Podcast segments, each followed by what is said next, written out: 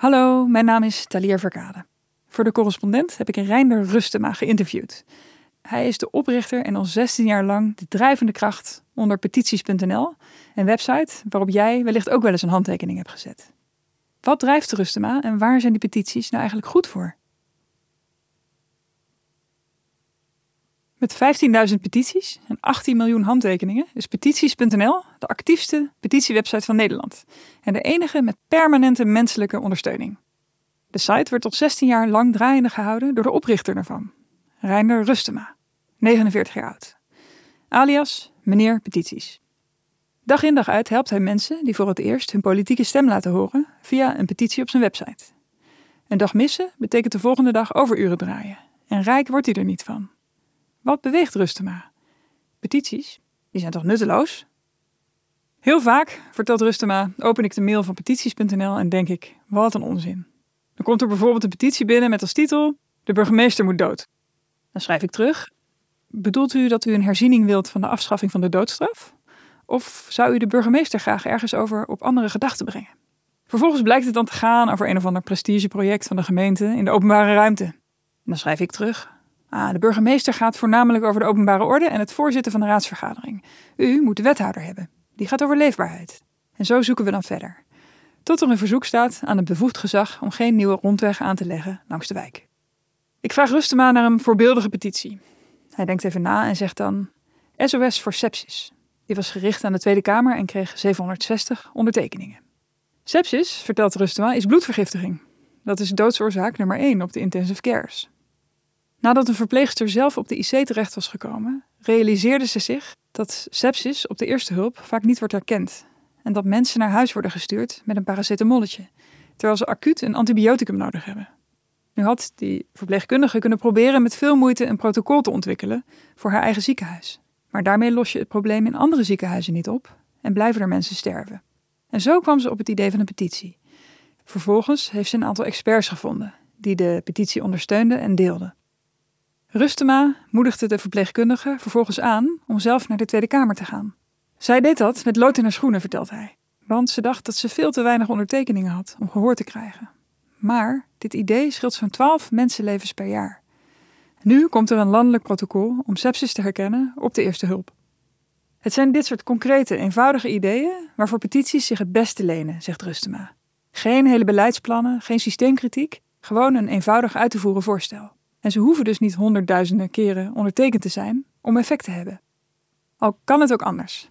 Zo was er in maart de petitie tegen een testevenement van Radio 538. De zender mocht Koningsdag vieren, pal naast een door COVID-19 overwerkt ziekenhuis in Breda. Binnen drie dagen was de petitie daartegen door 375.000 mensen ondertekend. Zo snel had Rustema het nog nooit zien gaan. Het podium kon weer worden afgebroken vanwege te veel maatschappelijke onrust. Er zijn mensen die zeggen dat petities nutteloos zijn, omdat ze politici tot niets verplichten, in tegenstelling tot bijvoorbeeld een burgerinitiatief. Dat moet verplicht besproken worden door een raad of parlement. Maar stel je eens voor dat je geen petitie zou kunnen beginnen of ondertekenen. Bijvoorbeeld, je zou het idee willen voorstellen om Peter R. een standbeeld te geven. Of je zou in de politiek duidelijk willen maken dat je klasgenoot Jaroslava niet moet worden uitgezet. Je wilt niet dat het bos waar je de hond uitlaat wordt gekapt. Of je hebt een briljante oplossing voor een groot probleem terwijl zowel probleem als oplossing nooit in de krant worden genoemd. Over bloedvergiftiging bijvoorbeeld. Hoe kun je meedoen met de gesprekken hierover als je niet weet of je medestanders hebt of als je geen connecties hebt met de media of politiek? Petities zijn een super laagdrempelige manier om je te manifesteren, zegt Rustema. Om te zeggen, dit ben ik. En om geestverwanten te vinden. Wanneer een idee via een petitie weerklank vindt, volgen contacten met journalisten en politici vaak vanzelf. De betekenis van de petitie, zo begrijp ik na een paar uur praten met Rustema, zit ook niet alleen in het effect. Als je een idee hebt voor een petitie, zegt Rustema, dan moet je die eigenlijk gisteren al online zetten. Zo kan iemand anders, die met hetzelfde idee rondloopt en daarop zoekt, jou vinden. En dan heb je ineens twee mensen die van zichzelf uit gemotiveerd zijn om iets aan de situatie te veranderen. En met iemand die jouw idee deelt, kun je gaandeweg een hele leuke band ontwikkelen. Zo werkt petities.nl dus ook als een datingsite voor mensen met ideeën die het publiek belang dienen. En dan hoef je ook je vrienden niet meer dood te gooien met die maatschappelijke kwestie die jou zo aan het hart gaat. Het plezier van anderen laten praten over je ideeën om zo de wereld te beïnvloeden, ontdekte Rustema al op zijn middelbare school aan de rand van Groningen. Daar probeerde hij een eigen televisieomroep op te zetten. Op tal van manieren bemoeit hij zich sindsdien met de samenleving. Hij stuurt graag brieven naar de krant, zit in burgercomité's, zoals het Amsterdamse comité Autoluw Nu, en daarnaast is hij lid van nog eens een tiental verenigingen en stichtingen. Petities.nl begon hij in 2005 omdat hij vindt dat de representatieve democratie nog zoveel beter kan. Of hij het persoonlijk met de inhoud van de petitie eens is, doet niet ter zake. Ik ben hier om het democratische proces te faciliteren, zegt hij. En als ik ergens tegen ben, dan ben ik ook graag op de hoogte van wat die mensen willen. Dan is er de verbinding tussen het internet en de echte wereld, die Rustema wil verbeteren. Hij studeerde politicologie en communicatiewetenschap aan de Universiteit van Amsterdam in de tijd dat het internet opkwam. Zijn scriptie ging over de opkomst en de ondergang van de digitale stad. Dat was een poging van Amsterdammers om op internet een publieke ruimte te creëren.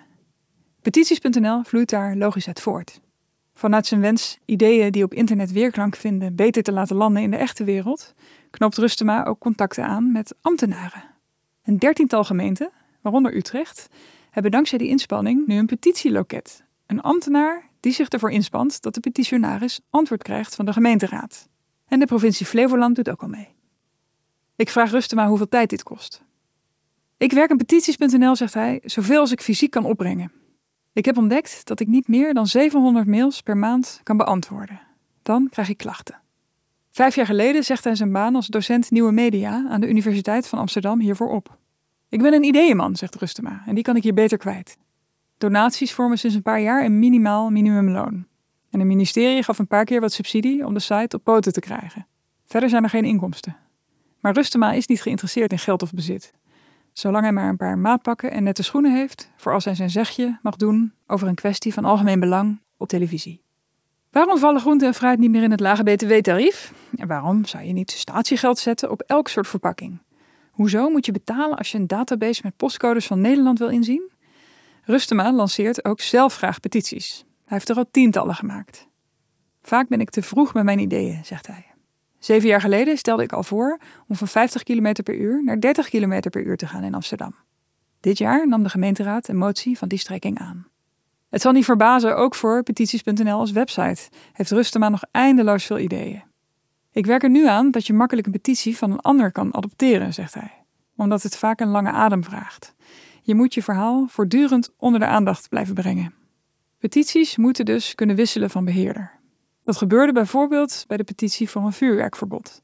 Het beheer daarvan ging van een gewone burger naar een organisatie na Rustema's inmenging. Het scheelt hem ook tijd als zo'n overdracht voortaan zonder zijn hulp kan. Als burger is Rustema's overtuiging kun je enorm veel teweeg brengen. Daarvoor hoef je de politiek niet in. Zelf proefde hij even aan de politiek bij D66, maar al snel concludeerde hij dat het ook daar om machtsbehoud gaat. Om echt inhoudelijk goede veranderingen door te voeren, zegt Rustema, is het veel zinniger om voor een onderwerp te lobbyen als burger. Dit is nu vaak nog vrijwilligerswerk, maar met donaties zou je je beroep daarvan kunnen maken. De crowdfunded lobbyist. En dat is zijn volgende project: om een lobbyist voor burgers mogelijk te maken. Nu zijn het organisaties die lobbyisten inhuren, zegt hij. Maar stel je voor dat je met een hele groep bewoners of burgers samen iemand kan betalen. Dan wordt jullie gedeelde belang professioneel vertegenwoordigd. Nou, daar moet dus een organisatie voor komen. We hebben lobbyisten gepolst, zegt Rustema, en die zijn enthousiast. Ze werken graag voor burgers, als ze maar de zekerheid hebben dat de factuur betaald wordt. Dat gaan we organiseren. Actieve correspondentleden adviseert Rustema met klem na te denken of hun ideeën zich niet lenen voor een petitie. Nou, nu verschijnen die als bijdrage onder een artikel. Ook mooi, maar dan gebeurt er niks mee.